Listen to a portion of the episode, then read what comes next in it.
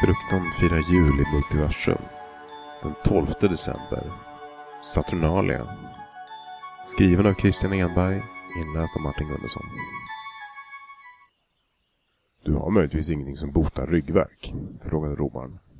Men innan den vitskäggige bartendern han svara bröt en fransman som också satt i baren sig in i konversationen. Vin är väl det enda som behövs. Fast du kanske skulle behöva lite mer av Miraculix trolldryck? Roman rättade till sin lagerkrona innan han vände sig mot fransmannen. Jaså, det är du, Galler? sa han med avsmak. Angenämt att träffas igen, Cesar. Det är René, inte galler förresten. Han höjde sitt vinglas i salut till den romerska kejsaren. Väldigt angenämt att träffa dig, din gycklare. Med tanke på ditt konsekventa hån av Roms storhet.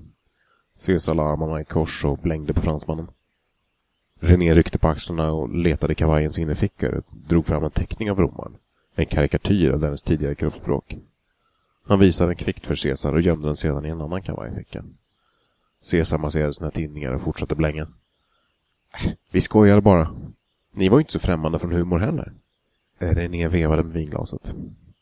Kleopatras näsa var inte så stor. Tror du inte jag fått öronen avtjatade varje gång vi möts? Ja, kärleksproblem. C'est vi, Caesar. C'est vi. Jo, det är ju mest Marcus Antonius problem i och för sig. Det är ormarna. Sant. Men vi har ju den artistiska friheten och allt det där. Fransosen började gnola på. Äta bör man, annars dör man. Bartendern hävde upp ett rykande krus på disken. Både Caesar och René tittade överraskat på det. Trolldryck. Mot ryggverk, förklarar bartendern. Både romaren och fransmännen tittade skeptiskt på den röda drycken. När Caesar inte rörde kruset signalerade bartendern till bandet på barens scen. Kanske lite musik kan hjälpa, förklarar han. Bandet började spela en svängande gungig melodi. One little draw from my chalice is all I want. Ah, jazztobak, sa René och log. Mjölk från Valmo, ministeriösa.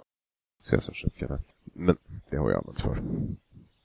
Han tog upp krukan och tog en stor klunk av drycken. Effekten lät inte vänta på sig, för bartendern kunde sina grejer. Caesar kände sig mer avslappnad och ryggverken släppte lite. René hovade till sig kruset och tömde resten. Och där fick vi mer bevis för att du inte har någon respekt överhuvudtaget. Men jag ska vara glad för att du hugger mig i ryggen också. Mot den romerske kejsaren surt. Jag kommer för att hylla Caesar, inte begrava honom, orerade det.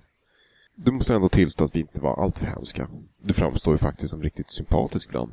Även om vi måste riva Colosseum för att visa det. Mm, ja, delen där jag rider på en panter är faktiskt smickrande.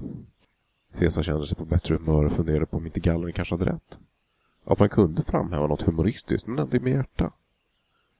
Nåväl René, ni har väl porträtterat mig någorlunda bättre än andra. Tackar för hedersbetygelsen. Vi skämtar för att vi älskar.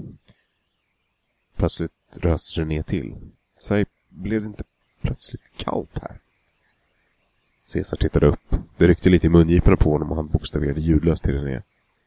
Kleopatra, bakom dig. René skrattade till och kastade en hastig blick över axeln. Drottningen av Egypten såg bistert på honom. Hennes näsa var inte så stor för övrigt.